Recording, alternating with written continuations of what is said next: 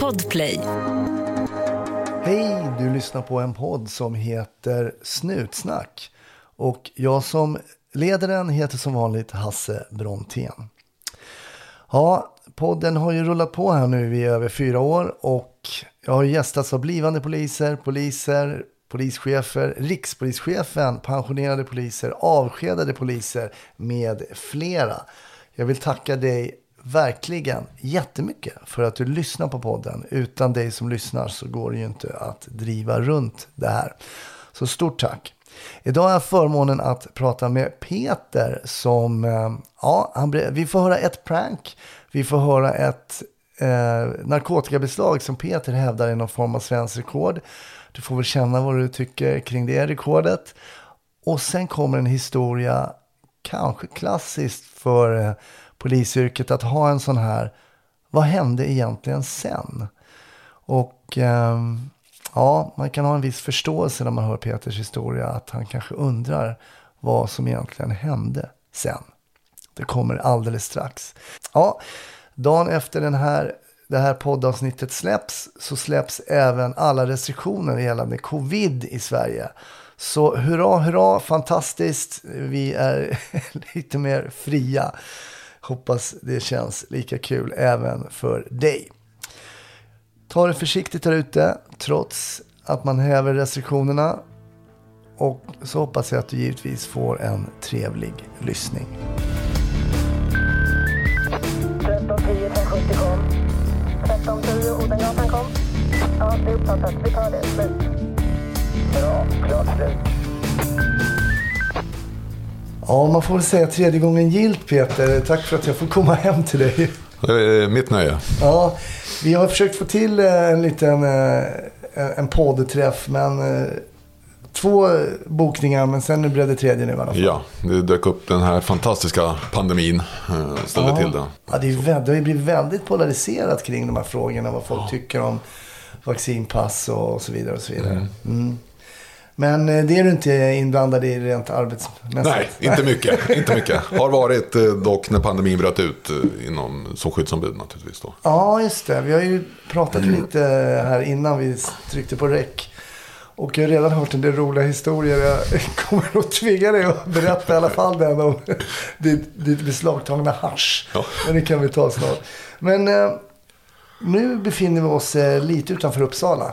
Ja, eh, Bälinge, en eh, liten ort eh, med stora fotbollstraditioner. Mm. Har vi också konstaterat. Mm. Eh, på damsidan i alla fall. Där du själv är engagerad?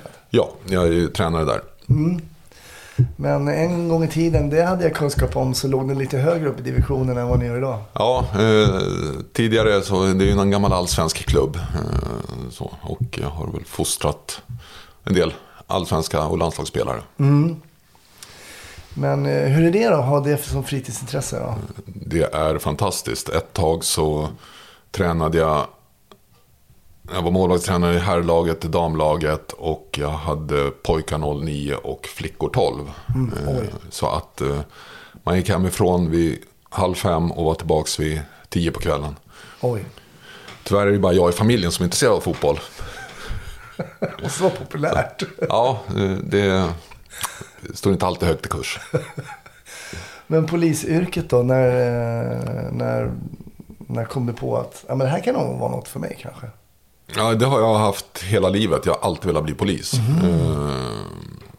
Eh, även om jag då kanske i min ungdom eh, gjorde saker som man inte ska göra om man vill bli polis. Alltså det är så? Så. Eh, jag växte upp i Märsta. Eh, och eh, vi umgicks ju i ett gäng som kanske inte alltid var eh, laglydiga. Så. Mm. Men eh, jag vet också när jag gjorde mitt val. Eh, det var när gänget skulle göra ett inbrott på en skola. Okay. Då gick jag och min bästa kompis därifrån. Och, eh, Åkte de dit? Nej, men vi var skiträdda när de kom och sa att polisen skulle komma och ta fingeravtryck på alla ungar. För vi hade ju varit fram i skolan, oh. men gått därifrån sen. Just det.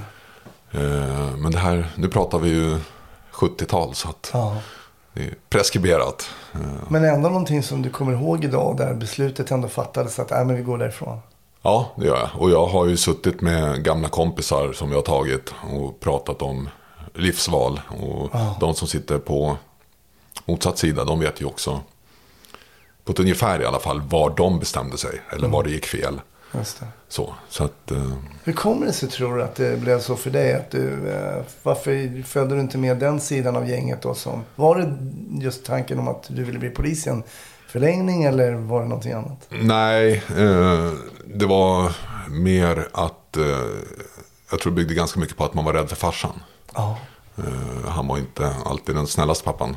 Eh, Så, eh, med, han drack ganska mycket. Eh, Och det var väl väldigt stökigt. Vi hade väl polisen hemma hos oss några gånger också. Okej. Eh, Så. Eh, så det var nog mycket det. Eh, Även om han var elak och, och söp så var man ändå så pass rädd och hade så pass mycket respekt så att man gjorde inte vad som helst. Nej. Vad hade hänt om du hade blivit påkommen och med ett inbrott eller något sånt där tror du? Ja, då hade det blivit spö. Ja. Det är jag helt övertygad om. Så. Nej, men jag hade också en oerhörd respekt för min pappa. Eh, och det var nog mycket jag drog mig för att göra. Som baserade på att jag visste hur han skulle reagera så att säga. Ja. Han var, hon när morsan sa ta undan det där, ta undan det där. Och så bara, "Ja, men jag tror det sen. Så kom morsan, ta undan det. Då tog man undan det. Ungefär så. eh, Liksom det, det räckte med en kommentar så gjorde man det. Ja, men det var, det var så. Vi är ju födda samma år, 67. Ja. När gick du in på skolan då? Eh, augusti 90 gick jag in. Då var det fortfarande grundkurs 1 och grundkurs 2. Ja, eh, och det är det formatet jag vill påstå är det absolut bästa. Mm. Eh, Så. Eh, Även om man tyckte att GK2 var tråkigt och, och GK1 var massa lagstiftning och man var ute på praktik och så skulle man omsätta det där och så stämde det inte överhuvudtaget. Och så kom man tillbaka till GK2 och fick prata om det. Eh, Så. Och lärarna kunde faktiskt säga att "Ja, vi kan inte säga att ni ska göra så här när ni går i GK1. Just det. Utan det måste ni ta till er själva när ni är ute. För lyssnarna som inte Mm. riktigt hänger med i GK1 och GK2. Så gick man en grundkurs först på 10 månader tror jag det var. Ja. Och sen var man ute på praktik i ett och ett halvt år. Och sen var man tillbaka fyra, fem månader på Ja, skolan. va? precis. Och ehm, trodde väl kanske att man var fullärd där. Där man hade varit på praktik i ett och ett halvt år. Precis, precis. Jag vet hur man gör. Ja, ungefär så. Eh, ja, men det var kul också att komma tillbaka och få prata om skillnaderna. Mm. Eh, För nu jobbade jag i Märsta, eh, eller gjorde praktik i Märsta. Och i Stockholm betraktas väl det som landsort. Ja, det. Så. Vi hade ju det berömda storstadstillägget, eller delar av det i alla fall. Eh, Och så pratade man med dem i Stockholm och vi hade fått göra helt olika saker. Eh, Alltså vi var ju ute på praktik 92 under EM. Eh, Då åkte vi två aspiranter ihop. Mm. För alla andra poliser var inne och jobbade i Stockholm. Just det. Och för att få vara med på EM-kommendering så var man tvungen att ha gått GK2. Jaha. Eh, Så då blev vi aspiranter kvar och så någon äldre kollega som fick åka som yttre. Så ni åkte två aspiranter Ja. i radiobil? Ja. Wow. Ja, det... Vi gjorde ett lysande jobb. jag kan tänka mig det. Men man åkte ju någon gång som jag vet att i alla fall när vi var aspiranter och gjorde praktik i Skärholmen så åkte vi jolle. Som man, alltså några åkte i en buss. Sen åkte man två aspiranter i en ÖVS-bil då. Och så Ja. hade man ju då sin eh, övervakare höll jag på att säga. Men handledare i närheten hela tiden då. Ja, nej, vi, vi åkte ju bara radiobil. Eh, Så, eh, när vi kom ut. Då blev man ju, då blev man ju polis snabbare. Ja, men så är det. Man fick ju ta ganska stort ansvar eh, ganska tidigt. Eh, och, och det är ju kul, alltså det, det är utvecklande. Eh, och sen, jag var ju fantastiskt nöjd med de handledare jag hade. Eh, visst, det fanns en del som kanske inte var jätteaktiva. Eh, det är väl mer än en gång man satt under inflygning vid Arlanda och läste en kvällstidning. Men man får ha förståelse för de som har jobbat många år också. Att det kanske inte alltid är fullt drag. Men när det väl händer så är de ju i alla fall med. Ja, men det där är också en intressant diskussion. Liksom, när man märker att man börjar trappa av, vilket jag kände av efter 15 år. Liksom, Att man är inte lika på tå längre. Och, och att vi har ju många duktiga poliser idag som är poliser men som inte är klassiska ute på stan poliser utan gör andra saker liksom, men är utbildade. Och det gör man ju av olika anledningar. Jag menar, är man över 50 som två i det här rummet är. så är man inte lika pigg längre. Nej. Och inte lika explosiv i löpsteget. Nej, så är det ju. Det, det är väl, de fysiska förutsättningarna har ju förändrats. Jättekonstigt faktiskt, Ja. tycker man. Eh, huvudet har inte förändrats, men eh, man ska klara av det också. Mm. Eh, jag har ju gnetat några pass och gjort, jobbat då förstärkningspass till 4-5. Och eh, man är ju bakfull hela dagen efter. Mm. Eh, Förr kunde man jobba på hårdlista, eh, Varbergslistan, dag, natt, kväll. Mm. Eh, åtta timmars sömn emellan varje pass. Eller åtta timmar ledigt mellan varje pass kan man säga. Man sov inte de åtta timmarna. Nej. Eh, Vad tuffa scheman då. Det var... ja, men jag tyckte om dem. Jag, jag stortrivdes med det. Jag hade svårare för det här med att jobba fler nätter på raken. Ja, det är så. Ja, Nej, men det berörde inte mig i början. Man gjorde ju, men då gjorde vi natt, kväll, dag. Ja, just det. 21.07, 17.02. Ja, så där fortsatte. Ja. Men hur var Märsta då? För det är ju som du sa, det kanske betraktades från Stockholm som en bond, bonddistrikt. Men det är ju inte det. Och, men det måste vara en väldigt brett spann på arbetsuppgifterna i, i ett distrikt som Märsta var då. ja eh, det var det ju. Det bestod ju av två kommuner. eh, Sigtuna kommun och Upplands Väsby kommun. Eh, och det är ju, ja, vi hade ju krogar. Men eh, vi hade ju mycket landsbygd också. Eh, det var ett...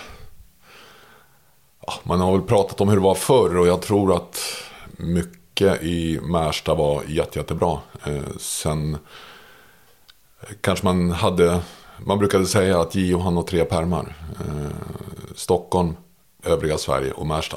Alltså, var det så? Ja, det var ganska tufft var det. Eh, så. Eh, jag vet att vi jobbade mycket mot skinnhuven. Eh, Som var stora på den här tiden. Och vi kom väl så pass långt så att när vi stoppade och skulle kontrollera dem så tog de av sig sina jackor och la dem på backen och så ställde de sig mot en husvägg utan diskussioner. Ja. Så vi, det var oerhört offensivt faktiskt. Men det får jag en känsla av att det har hänt någonting innan där som gör att man eh, gör så. Men så är det ju. Det, det kommer inte av sig själv. Nej, det, det, det, är inte att det var Sveriges snällaste skinnhuvuden. Utan, Nej, utan det, de har väl fått lära sig att eh, när man har med polisen att göra då beter man sig på det här sättet. Så. Och eh, det vet vi också många eh, som tog omvägar med stulna bilar. De vill inte köra igenom hos oss. ja, det var så. Ja, Så ni hade någon sån lite bad cops ja, men, eh, ja det tror jag nog. eh, Men hade ni några bad cops också? Alltså jag menar när jag säger bad cops då så kanske jag inte tänker bara på så här Denzel Washington i, i Training Day. Nej. Men, men liksom eh, några som är ute i gråzonen mycket och jobbar och eh, stretchar Ja, lite. eh, det ska man väl säga. Inte så att man körde ut folk i skogen och gav dem spö. Nej. Eh, Så. Nej. Eh, Men eh, det var väl inte så att man höll igen om det bjöds upp. Nej. Så. Eh, eh, Utan det var, det var raka rör. De, de klev på. Eh, Man klev inte undan om det blev stökigt. Nej. Så. Men hur var det när man kom då om ni åkte till exempel två aspiranter själva och sådär. Då fick ni... Jag menar när man inte hade så mycket skinn på näsan i början där. Och... Nej, då, var man ju försiktigare. Ja. Eh, så. Eh, men... Eh, ja, det, vad ska man säga? Det, så är det ju naturligt när man är aspirant. Då är man ju försiktigare. Eh, sen ju mer man jobbar och lär sig så... Vet ni, jag vet att vi hade en lärare på skolan som var väldigt noga med det här. Och, vad man får göra och, och, och så. Han hade en fotbollsplan som en metafor. Jaha. Och sa att det finns de poliser som är bokstavstrogna. Och de jobbar här i mittcirkeln. Sen har vi de här som liksom ser, ja men det här kan jag utnyttja. Jag kan ju springa ut i sidlinjen här. Det, det har jag faktiskt möjlighet till. Då är man ute och suddar lite utanför det som gäller. Eh, sen har vi poliserna som springer upp på läktaren. Eh, och, De är utanför planen alltså. Precis. Eh, och det man ska vara noga med, det är att veta när man är på läktaren. Just det. Precis. Så att man kan förklara varför man är där man är. Just det. Eh, och det tror jag att i Märsta sprang de flesta vid sidlinjerna. Ja, okej. Så. Så de var nära läktaren. Så det, det, men det var ett jättebra distrikt. Det var, eh, Trivdes du i Märsta? Ja, jag älskade det. det var... Ja. Hur länge var du där då? Ja, det var kvar till 94. Eh, sen så blev det ju närpolisreformen. Just det, precis. Och då blev det ju norrort. Och då flyttades allt till Sollentuna. Men eh, i Märsta, vi hade ju järnkoll. Eh, var jag ledig så, och såg någon känd buse som jag vet inte hade körkort. Ja, men då mm, rapporterade jag om hon var ute och kör och, och så vidare. Man skrev alla iakttagelser man gjorde på fritiden. Jaha. Eh, så, så att vi hade bra koll på busarna där ute. Men du sa att du träffade också eh, grabbar från din liksom, uppväxt Mm. och sådär sen när du jobbade som polis. Hur var det då? Liksom, kanske gripa någon som... Det, det, alltså vi, det har inte varit något bekymmer så. Vi har haft respekt för varandra. Eh, alltså jag känner ju dem. Eh, Vet eh, hur de har haft det. Eh, Och så.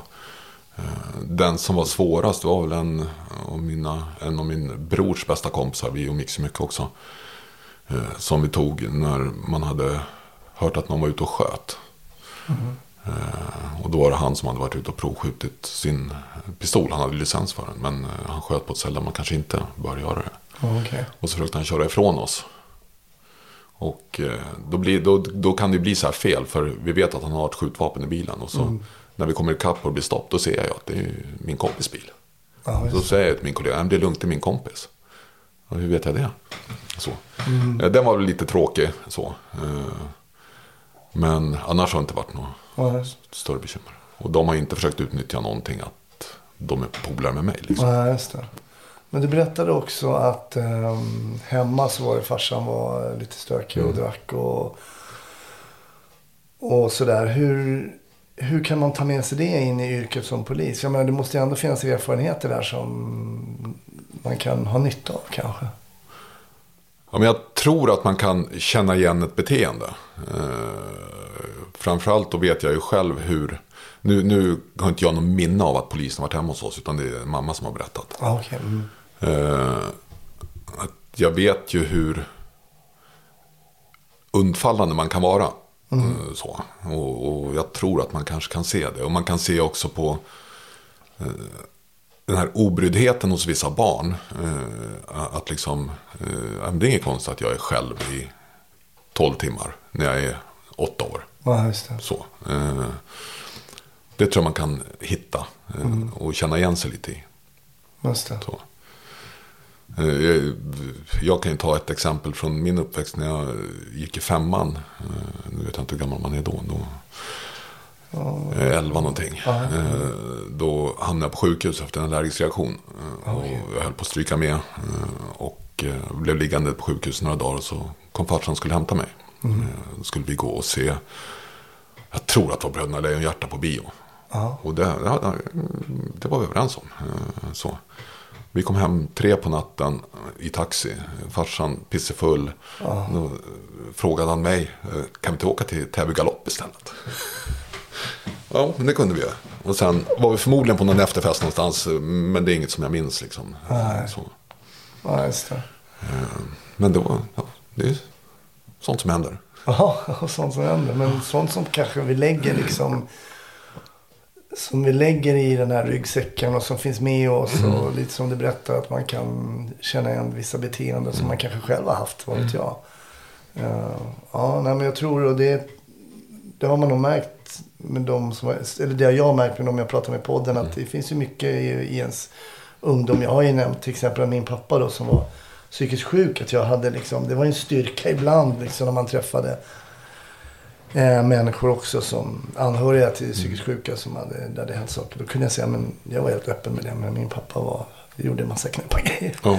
Så det finns ju där någonting man kan, om man vill så att säga. En del Precis. döljer ju sånt också. Men, men okej, närpolisreformen kom och var det så att man saknade det gamla Märsta? Ja, det blev ju en ganska rejäl kulturkrock eh, eftersom man slog ihop tre distrikt. Eh, Sollentuna, Jakobsberg och Märsta. Eh, och vi hade ju helt olika sätt att jobba. Eh, alltså det var på riktigt kulturkrock. Ja, det var så. Ja. Man kan ju tänka, vadå? Poliser som poliser bara jobbar ihop. Ja, men eh, vi hade ett ärende där eh, på ett ungdomshem här i Upplands Väsby där Eh, En intagen ungdom högg en vårdare nio gånger med kniv i bröst och rygg. Visserligen en matkniv, men det är nio hugg liksom. Eh, Vi är först på plats, jag och min kollega. Ja, vi griper ju gärningsmannen. Eh, Det är glasklart. Men då kommer, vi hänger inte ut något särskilt distrikt. Men några från ett annat distrikt och säger, "Nej, det är inte ett beslut ni kan fatta. Och vi, va? Nej, det är vakthavande. Eh, Och då hamnar vi i en jättediskussion. Eh, Och, och, så här. och då har man ju lite olika sätt att se på saker, vilka beslut man får fatta och Ja, inte verkligen. fatta. Så. Eh, Men eh, det löste väl ut sig med tiden, tror jag. Men eh, Det är intressant. Det där är ju väldigt intressant. Och kanske ett granndistrikt till och med. Att man har helt olika rutiner vad gäller en sån sak som liksom lagtekniskt ska vara enkelt och kanske ett gripande. ja, Att man ändå gör det helt olika. så att det, det var mycket sånt som var. Ja, Och okej. sen tycker jag att eh, det blev att man fick möjlighet att tacka nej till jobb lite grann. Eh, jag vet att vi satt och käkade lunch i Sollentuna när det kom in fast larm från värdetransport. Eh, och eh, ja, vi slänger ju maten och springer, eh, som man gör. Och möter då poliser från det område där larmet kommer. Och så "Mm, vad ska ni göra? Vi har utbildning. Ja, och det var också så här främmande liksom. Eh, För jag vet, i Märsta så hade vi ett rån, Nordea i Sigtuna. Det var inte en polis kvar inne i polishuset. Eh, Så. Det var ett eh, engagemang i att ta bus. Så, eh, Det är intressant för man bygger ju en stämning i en grupp. Eh, kanske till och med i ett distrikt då. Eh, på olika sätt. Jag tänker att det kanske till och med kan jämföras med, vi pratade om fotbollen här innan, att man bygger liksom en mentalitet och ett sätt att se på saker, hur vi ska möta liksom, eh, våra opponenter. Liksom, och, så där. och det kunde jag ju känna också i olika enheter som jag jobbade i. Alltså, det var ju otroligt olika stämningar, olika tänk ja. kring hur jobbet ska utföras. Och engagemanget i jobbet också. ja, eh, och jag vet ju som det var i Märsta då så hade vi ett område som var utsatta för villainbrott under en period. Eh, Ganska mycket villainbrott. Ja, det var ju bara att skriva upp sin gnetpärm. Så satt eh, konstaplar i sina privata bilar i området och bara spana. Eh, Så. Eh, För att man ville sätta dit dem. Man ville ta buset. Ja. Så. Det ska inte funka idag va? Tveksamt. Tveksamt. Det skulle, man skulle inte ha råd med inom polisen. Att betala ut den övertiden. Nej, det var ju där, det gick ju nästan över en natt. Man, från att man bara skrev upp sin pärm, alla som skrev upp sin pärm fick jobba extra. Precis. Och sen nästa, då var det som att vakthavanden skulle betala ur egen ficka. Så ingen fick jobba Nej. övertid. Nej, och det är väl inget av sätten som är bra egentligen. Nej, exakt. Så. Nej, så är det. Eh, det är inte ekonomiskt försvarbart att nej, det finns inget behov men vi får gneta ändå. Det, det är liksom... Så var det ju. Vi skrev upp oss på Gnet och sen så var det så här, men det var så mycket folk över. Ja, Då får väl ni fotpatrullera lite. Ja, i stan, gå i Gamla stan. Fast jag fick gå i Gamla stan ett pass liksom. Bara lalla runt där helt i onödan. ja nej det var... eh, Det var, det var lite annorlunda. Och andra tider som man Ja, säger. jo, då, då tog pengarna slut fick man ju bara mer. Eh, Det var Ja. så det funkade liksom. Ja. Så att, eh, Men när du, när du var då klassisk ordningspolis så att säga. Var, fanns det någon målbild eh, framåt? Eller körde du bara på och se vad som händer? Ja, jag, jag, jag sa till mig själv att eh, yttre befäl, det, det är dit jag vill. Eh, så. Eh, sen räcker det liksom för mig. Mm. Jag, jag är ordningspolis. Jag hade ju förmånen att slippa göra praktik på krim. Eh, Ja, hur lyckades man komma undan det? jag krockade med fotbolls-EM. Ja, ja. Då åkte vi radiobil istället. Jag, jag har ju ingen som helst utredningsvana. Nej. Så, så att, eh, men eh, ordningspolisjobbet kan jag. Mm. Så, det, det är ju liksom det, det jag Men det fanns inget intresse heller att sitta och förhöra och utreda så här? Nej. Nej. Nej. Nej, det är intressant. Jag kan säga att jag kanske inte heller har haft ett sånt brinnande. Men sen när man har gjort det lite grann så kanske, ja. Men jag vill också vara ute och Mm. springa och, och jaga folk. Det är ju en ynnest att gripa eh, bovar. Ja, men det är det. Det är, det är en helt fantastisk känsla. Man får springa ikapp någon. Och just de här stegen när man själv känner att man börjar bli trött. Och så ser man, "Ja, men nu kommer en meter närmare. Men nu, jag två, och så kan man liksom börja ropa på dem och säga att Ja, nu kommer jag, nu kommer jag. Det är helt fantastiskt. Ja. ja, det är ju någonting där som är... Det finns ju en aspekt som är... Alltså det är klart vi har våra strikta lagstiftningar så här, men det finns ju någonting det här med att jaga och fånga. Som ligger i oss. Jag vet inte om det är vårt gamla DNA som jägare eller vad Ja, det är som sitter i. Men det är ju någonting liksom att fånga någon som... Och hinna ikapp. Det är, det är någonting speciellt. Ja, men det är det. Det, det, är, det är en sån skön känsla man kan leva på ganska länge. Eh, För det är inte så att det händer varje dag. Nej. Och det har ju ändå en effekt på längre sikt att man står ut ett tag till. Liksom. Och så kommer nästa grej. Eh, En biljakt, den kan, ju, kan man ju leva på hur länge som helst. Så att det, det, är, nej, det, det är en skön känsla. Eh, Och framförallt är det en skön känsla om man då har en målsägare som man dessutom Ja, kan glädja med. exakt. Här får du tillbaka dina grejer. Gärna innan de ens har märkt att det är borta. Ja, det, ja, det är klart. Det är ju det är ju riktigt bra. Det har väl hänt någon gång så, men, eh, nej, men det, det, Vi ska, vi ska prata lite om vad du gör just nu. Men um, innan dess, vi pratade lite innan om det här. Så, men, något minne? Sa, ja, men jag har, eh, jag, har, jag har två, tre minnen som eh, ligger och snurrar liksom. Och hur har de här eh, kommit upp? Nu har du haft tre, vi har ju, ska ju träffats för tre, fyra veckor sedan. Så Ja. du har fått marinera lite. ja. Nej, men jag började ju som jag sa till dig, lyssna på podden i höstas någon gång. Ja. Och så sträcklyssnade jag. Eh, så, det, det, eh, Vad tänker du som själv är i yrket och lyssnar på de här eh, historierna från kollegor och pensionerade kollegor? Nej, men jag blir sjukt stolt över att vara en del i ja, den familjen, den blå, som vi säger. Alltså det är helt makalöst. Det är... Jag tror aldrig jag har skrattat så mycket när jag varit ute och tränat som när eh, jag offrar veterinären. Det, det är helt magiskt. Det är helt magiskt. Eh, Nej, det, det, det är riktigt bra. Ja, men jag lyssnar när jag är ute och går och springer. Och jag går ut tidigt på morgnarna. Och ja, ibland går man och skrattar högt och folk tror att man är tokig. Ibland går man och tårna bara rinner för det är så fantastiskt. Liksom. Det, det, Ja, vad häftigt. Uh, nej, men um, det är kul också att... Jag kan förstå att folk som inte som jobbar som polis får en inblick. Och, och, men också att poliser också. Och för mig som för detta polis. Jag känner ju fortfarande att jag är del av den här blå familjen. Liksom. Once a cop, always a cop. Lite grann då. Även om jag inte har den här brickan kvar längre. Men um, jag håller med dig. Jag håller med dig. Det har varit otroligt intressant. Men åter till uh, de här... Uh, eh, eventuella ärendena som du Mm. har i din minnesbank. Hur dök de upp? men har de alltid så- funnits där eller? Ja, men ett par av dem eh, har ju funnits där. Eh, eller ja, de har nog funnits där hela tiden egentligen alla tre. Eh, men man börjar fundera på eh, när man lyssnar på podden och hör liksom, ja, men vad, vad finns, vad skulle jag kunna liksom ha? Eh, tänker man Göteborg, det, det, det var bland det roligaste jag gjort. Eh, men nej, den väljer vi bort. Eh, Kravallerna där? Ja, eh, vi flögs ju ner akut på torsdagen där. Jag vet att du hade Annie var det också? Just det. Som också, vi satt på samma plan. Ehm, eh, nej, så, det är mer sådana här vardagscase liksom, som folk inte...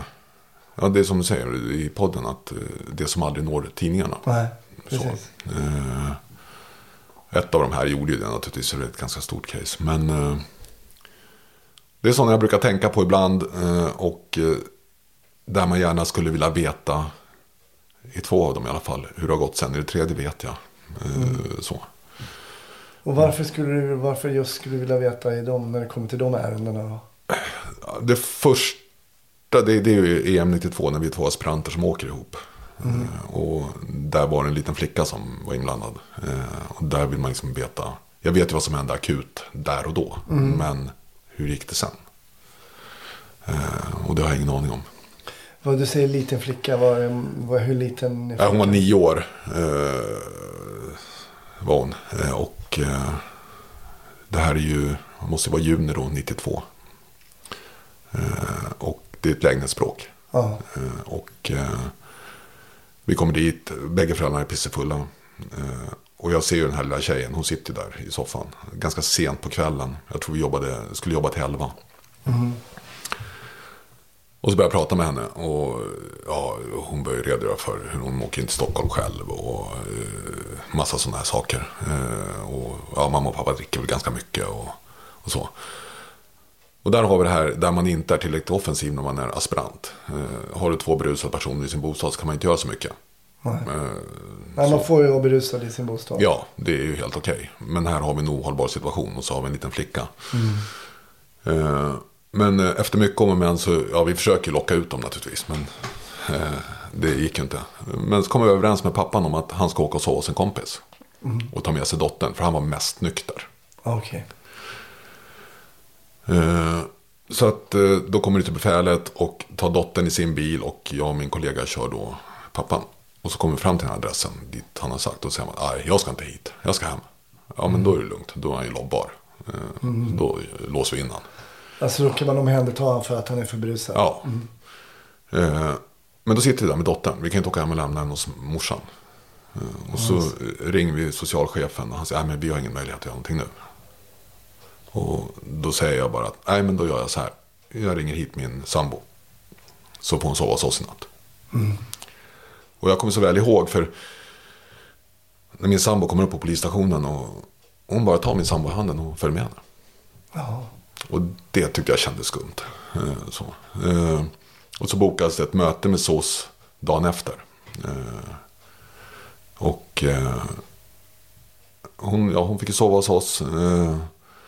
Vi var iväg och tittade på ett hus som vi eventuellt ville köpa, jag och min sambo. Då. Och spelade lite spel med den här tjejen och hon fuskade glatt. Så. Man lät det vara, men hon var ju glad och, och, och så. Och sen iväg åkte jag med henne till SOS då, men på mötet. Och eh, föräldrarna kom dit, de hälsade inte ens på sin dotter. Nej. Och frågade liksom inte hur det är eller någonting. Och så går vi in, jag sätter mig vid bordet för jag skulle vara med på mötet. Och föräldrarna sätter sig mitt emot och dottern kommer och sätter sig bredvid mig. Eh, och hon blev ju omhändertagen på en gång. Och eh, visserligen placerad inom släkten. Men eh, hos någon syster till någon i Göteborg. Ja, Okej. Så att eh, jag- var så förbannad på föräldrarna där och då. Så jag skällde lite på dem. Så. Men tänker du var 25 då, 92? Ja. 25 år liksom. Men ändå... Det är väldigt engagerat att ringa in sambon och... Ja, ja, men jag kände det, det här är inte rätt. Det här är så fel. Det ska inte, alltså, jag vet hur, hur hon har det. Så, nu drack inte min mamma, men farsan gjorde det. Och jag vet ju hur det kunde vara. Ja. Så. Eh, så att... eh, Jag kan förstå att den tanken... När, när kan du få upp henne i dina tankar? Kan du komma ihåg hur hon såg ut? Ja, det kan jag. Eh, Jag kan se henne ganska tydligt framför mig. Eh, Jag vet inte, det dyker upp till och från. Eh, Jag kan inte säga att det sker i samband med att man ser att barn har råkat illa ut. Om man läser tidningar och det har varit någonting så. Utan det...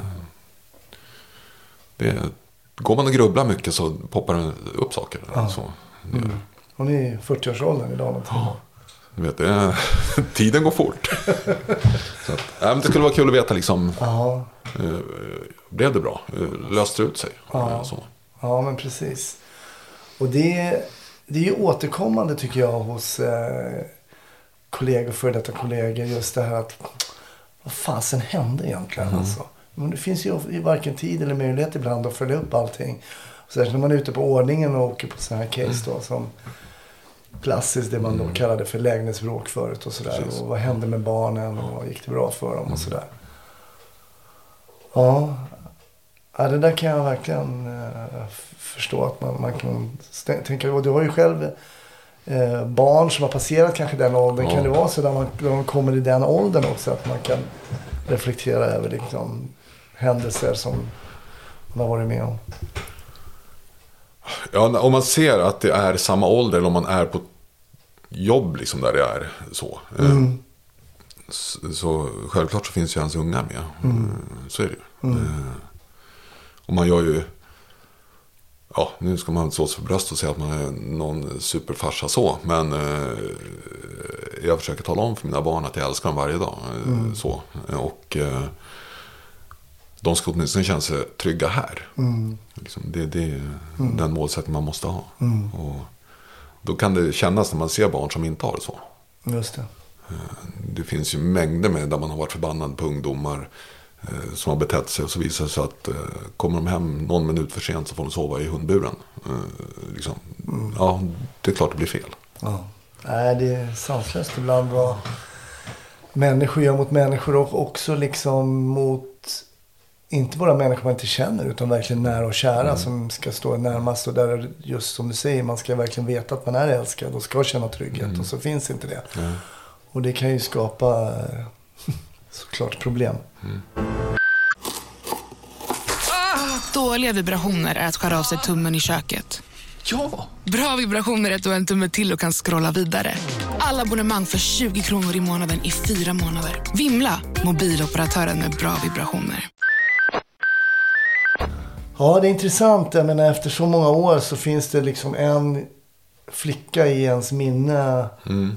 Uh, för du har säkert varit på liknande ärenden någon gång. Men just det här är liksom kanske det starkaste. Ja, men just det här att, att hon inte ens tvekar med att följa med en främmande person. Nej, precis. Uh, Allt kanske är bättre än det som Där hon var, det befintliga. Ja. Liksom. Ja, det är intressant.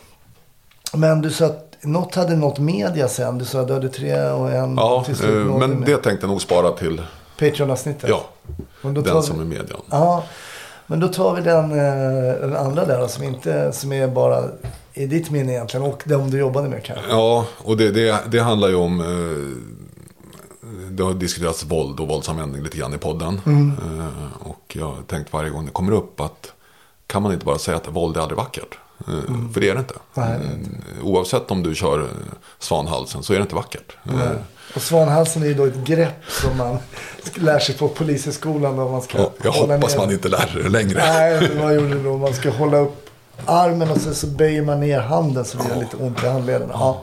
Uh, och det här är ett case. Uh, jag är yttre befäl, uh, åker själv.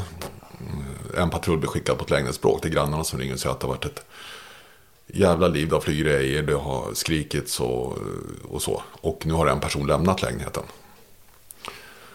Alltså jag åker med eh, i bakvattnet på de här då, eh, patrullen. Och eh, det är ingen som öppnar i lägenheten. Ja, då kan man börja ana att det kanske har hänt någonting där inne. Mm.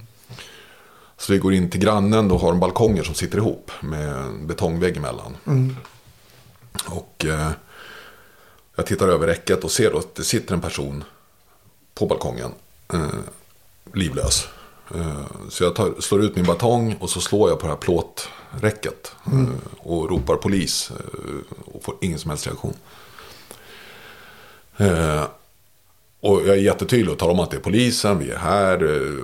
Och liksom försöker få någon kontakt. Men ingenting händer. Den här personen bara sitter still. Så att då bestämmer jag för att nej, men jag klättrar över. Mm. Så att upp på det här smala balkongräcket. Eh, så den här sitter på den andra balkongen? Ja, precis. Där lägenhetsbråket har varit.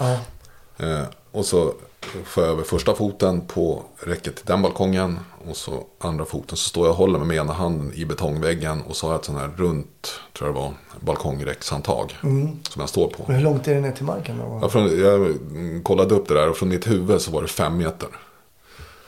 Eh, och så precis när jag står så där och har precis fått lite balans. Då bara far han upp och sträcker ut armarna och skriker. Vad i helvete? Och så bara rusar han fram emot mig för att knuffa ner mig. Oj. Eh, jag har batongen kvar i handen så jag slår ju allt jag har i bröstet på honom. Eh, och då backar han, då hinner jag hoppa ner. Eh, och sen slogs vi. Jag tror vi höll på i tio minuter. Och Oj. Jag knuffade bort han, slog han med batongen. Han var på mig och försökte trycka mig över räcket. det var stryptag hit och. Jag slog så mycket med batongen så att jag var helt slut. Och till slut så tröttnade han. För det, jag fick in några bra träffar. Eh, så. Eh, så då föll han ihop lite och då skickade jag omkull honom helt. Och så fick jag på en handfängsel och släppa in honom i lägenheten och kunde släppa in mina kollegor. Oj, För och de du var ju helt själv eftersom du hade... Ja, de kunde inte komma in på balkongen eftersom vi slogs för glatta livet där. Och, Men märkte de att ni... ja, de stod ju och liksom var frustrerade på utsidan av ytterdörren. Ah. Och jag tror aldrig jag har slagit någon så mycket som jag gjorde. Eh, men liksom det var ju, han ville ju ha ihjäl mig. Eh, och, eh, så det hade jag väl inte några bekymmer med så. Men eh, Men den känslan då när han... Du känner säkert att han vill ha ihjäl dig. Alltså i hans beteende om du pratar strypt av och... ja, ja, han ville skicka mig över balkongen. Alltså få ner mig ner mot asfalten nedanför. Ett tag var du orolig för att det kanske skulle gå åt helvete. Ja, eh, i början innan man liksom kände att man kom ner och kunde ta spjärn mot räcket.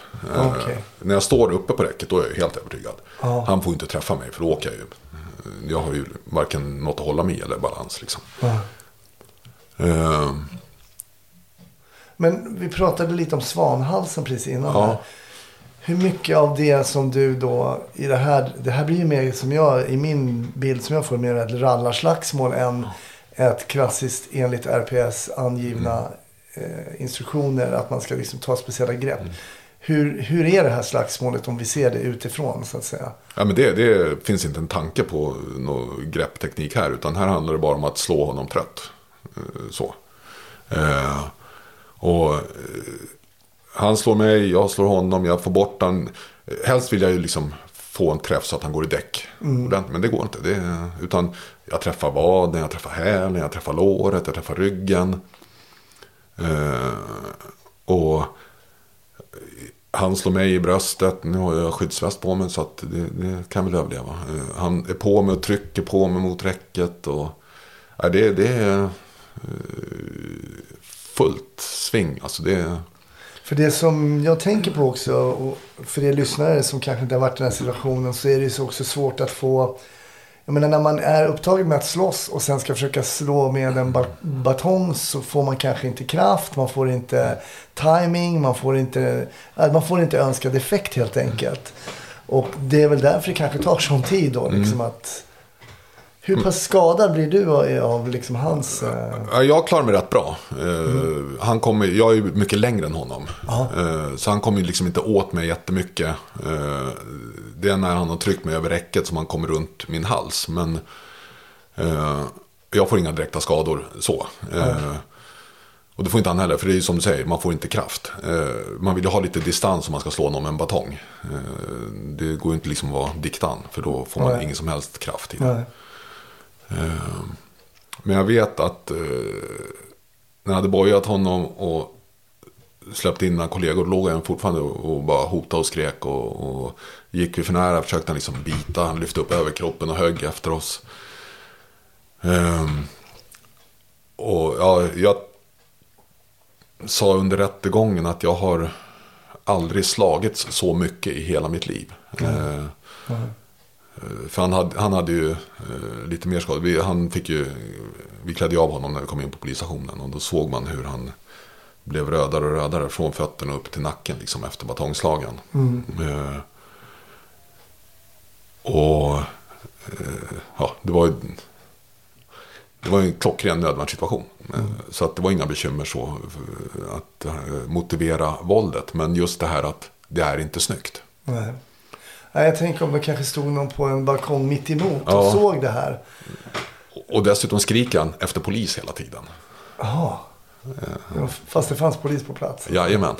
Vilket han var väl medveten om. Ja. Jag tänker, hade den här... Idag finns det ju andra hjälpmedel än bara bat- batong. Mm.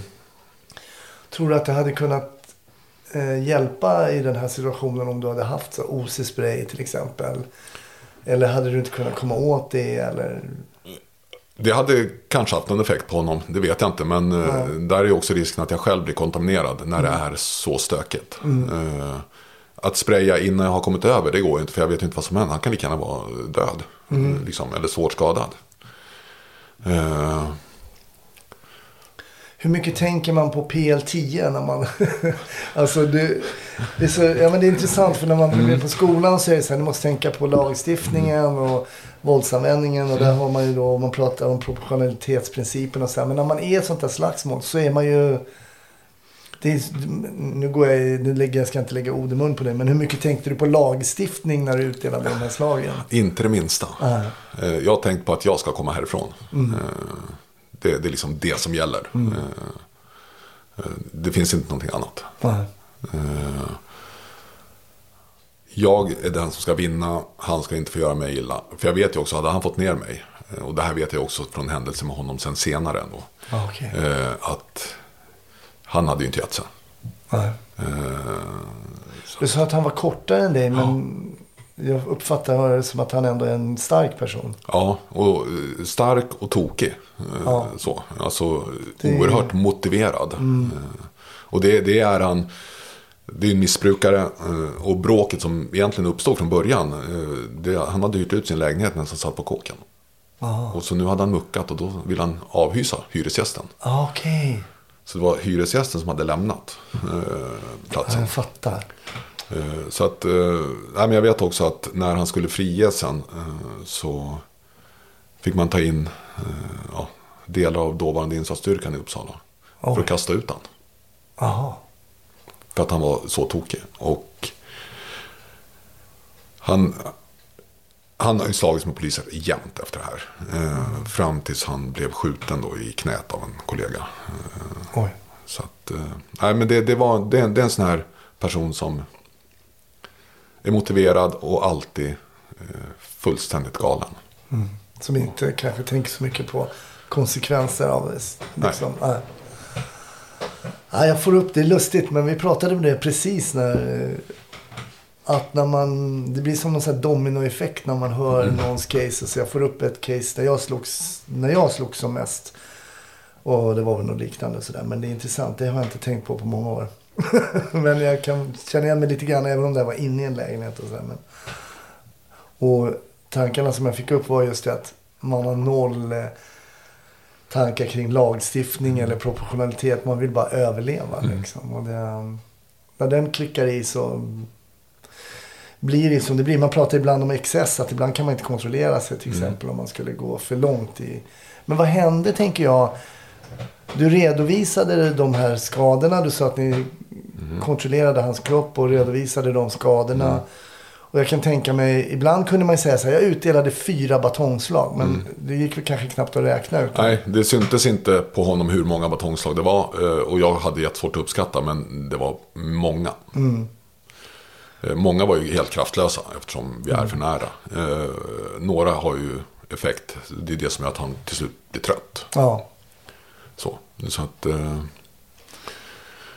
Ja, intressant, eh, intressant ärende där. Och det tror jag, jag tänker, det finns ju många som lyssnar som är, pluggar till poliser och sådär. Det, min pappa som jobbade som polis sa till mig, eh, han ville inte att jag skulle börja jobba som polis. Men han sa, det ska du veta alltså, bara, så du vet det innan att du kommer få stryk. och det gick alltid och tänkte på det här. Och det fick jag väl någon gång, men inte supermycket stryk fick jag inte. Men man blev ju påpucklad några gånger. Jo, men det, och, och så är det. Man går i enkla fällor för att man är för snäll ibland. Eh, jag, menar, jag blev sparkad i skrevet av en 14-årig flicka när hon ligger ner på golvet. Och liksom situationen är över och hon lovar jag ska vara lugn. Om då släpper jag henne och ställer mig upp och så bara smäller det. Mm, jag har lärt mig om det. Eh, att jag litar inte på Nej. någon som är lugn. Nej, Så, precis. eh, nej, men det, det, och det, man går i de där fällorna, det gör man. Ja, när man har gått i många fällor. Jag tänker också när man har inte, som jag som jobbade mycket med narkotika, som jag vet att du inte gjorde. Eh, folks händer, hur snabbt saker och ting försvinner. Jag menar fem gram vitt pulver på en ryamatta, det, det är svårt att få tillbaka in i en påse. Det är det. Så det, det har man koll på. Det har man koll på. Men när vi ändå är inne på, eh, på narkotikabiten här så tycker jag att du måste få berätta den historien som du berättade för mig innan vi började spela in. Ja, eh, det är ju inte ett av de stoltaste ögonblicken. Eh, Jag gissar att du tänker på den eh, ravefesten jag nämnde. Ja. ja. Eh, Som ordningspolis, helt ointresserad av narkotika. eh, Får vi åka ut på en rejfest, eh, någon industrilokal någonstans i Jakobsberg.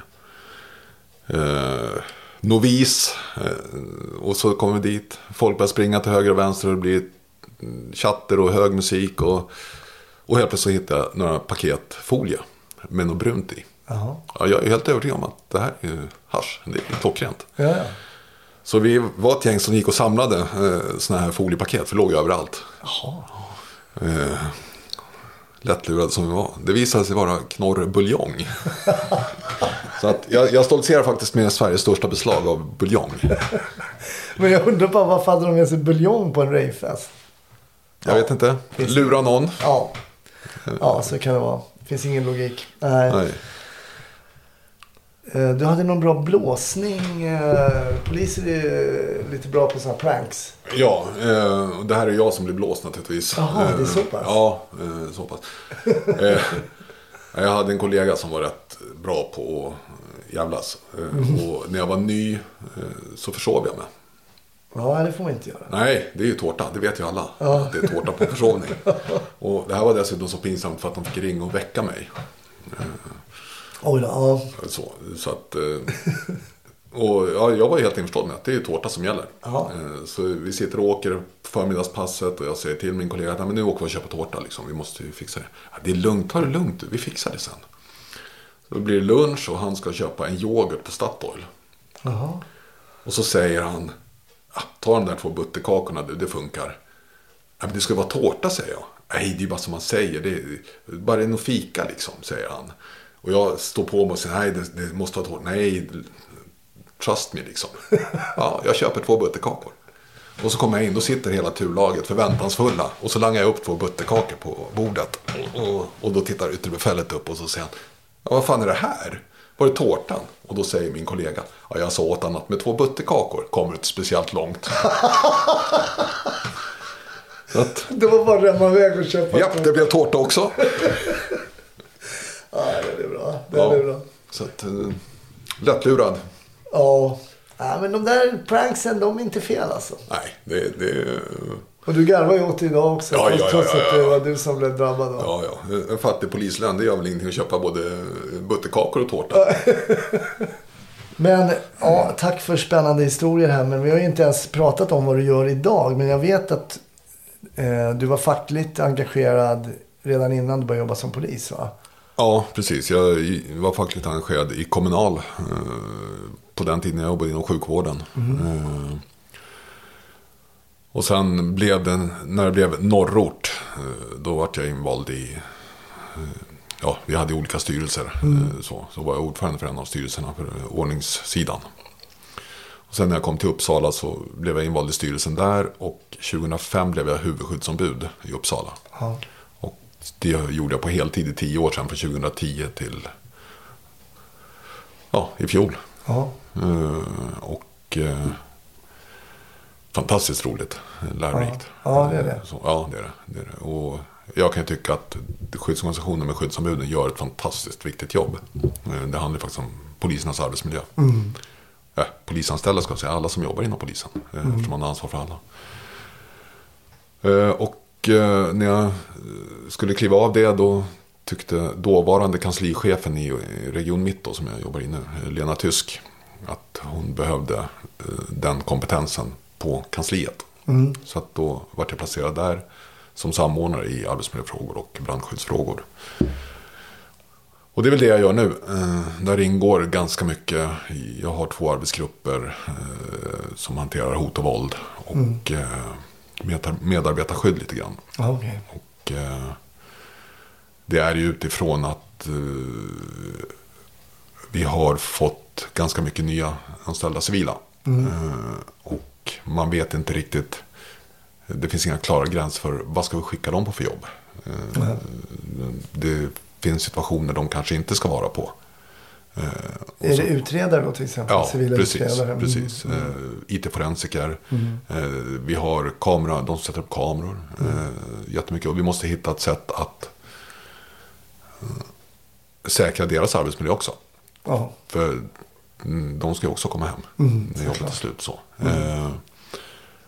Och det är det jag håller på att jobba med nu.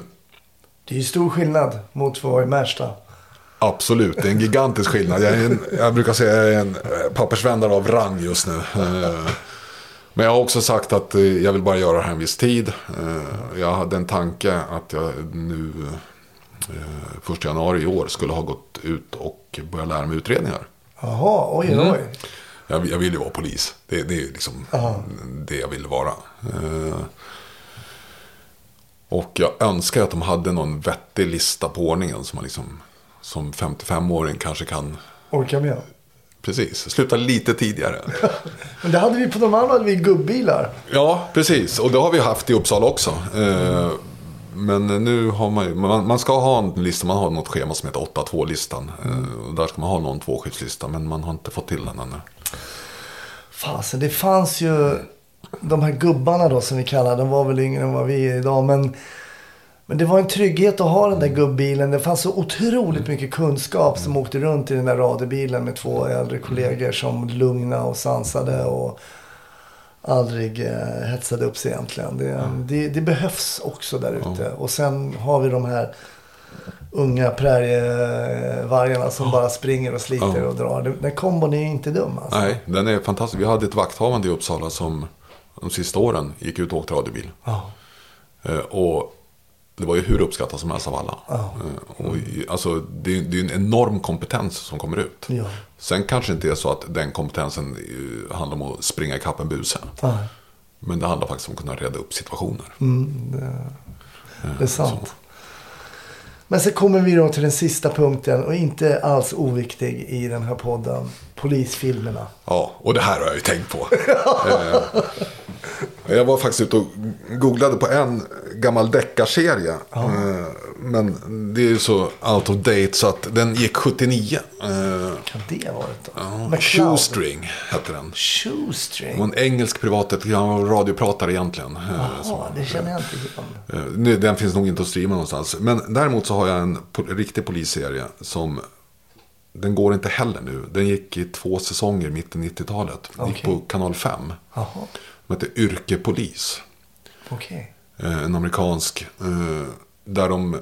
Ja, dels hade de eh, vardagscase. Och man fick följa de här polisernas liv vid sidan om yrket. Men det var fiction alltså? Ja, eller? det var det. Men sen hade de sådana här spektakulära händelser. här Bankrånet i Los Angeles som hade den här gigantiska shootouten. eh, När de tömde vapenaffärer på skjutvapen och sånt här. Den har de gjort med de här poliserna. Eh, det var en helt fantastisk serie. Eh, och för några år sedan så skrev jag till TV, eller kanal 5 och frågade liksom, vad hände? Och då hade de lagt ner den. Men den finns på YouTube. Ja, den gör det. Heter den yrkepolis då Ja. också? Ja, Eller vad ska jag på sökte då? på yrkepolis tror jag.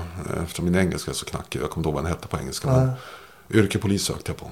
Det finns säkert någon duktig lyssnare där ute. De brukar kunna återkoppla vad, vad, vi, vad, det, vad vi missar liksom. Ja. Sen har jag ju en film som jag tycker är helt fantastisk. Och det är ju Sea of Love. Sea of Love. Nu får jag inte upp någon bild. Al Pacino och Ellen Barkin. Ja, då kanske är, är de ute på någon båt eller? Nej, eh, det är egentligen en låt som heter Sea of Love. Eh, som spelas vid mordoffret. En riktigt bra film. Nu gillar jag Al Pacino så att... ja det, vem gör inte det? Nej, sen... Eh, det är väl eh, egentligen... Ja, men det är kul. Du kommer ju in med nya, du kommer in med nya inputs här. Ja, eh, Sea of Love, den hade jag plockat alla dagar i veckan. Ja, men kul. Då kanske måste fånga upp den. Sea of Love. Jag har kollat på några som jag har fått tips som jag inte har sett som eh, riktigt bra. Alltså. Stort tack Peter. Vi ska prata vidare lite i Patreon-avsnittet om det här caset som också kom till eh, tidningarnas kännedom vad det var för någonting. Men fram till dess, stort tack för kaffe och stort tack för att jag fick komma förbi dig här. Och så lite så.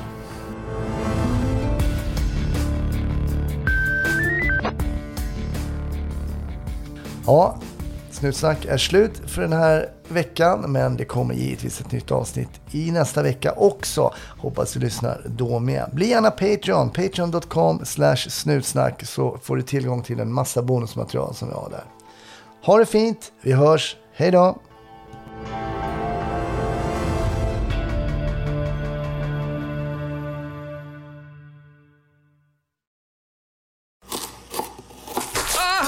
Dåliga vibrationer är att skära av sig tummen i köket. Ja! Bra vibrationer är att du har en tumme till och kan scrolla vidare. Alla abonnemang för 20 kronor i månaden i fyra månader. Vimla! Mobiloperatören med bra vibrationer.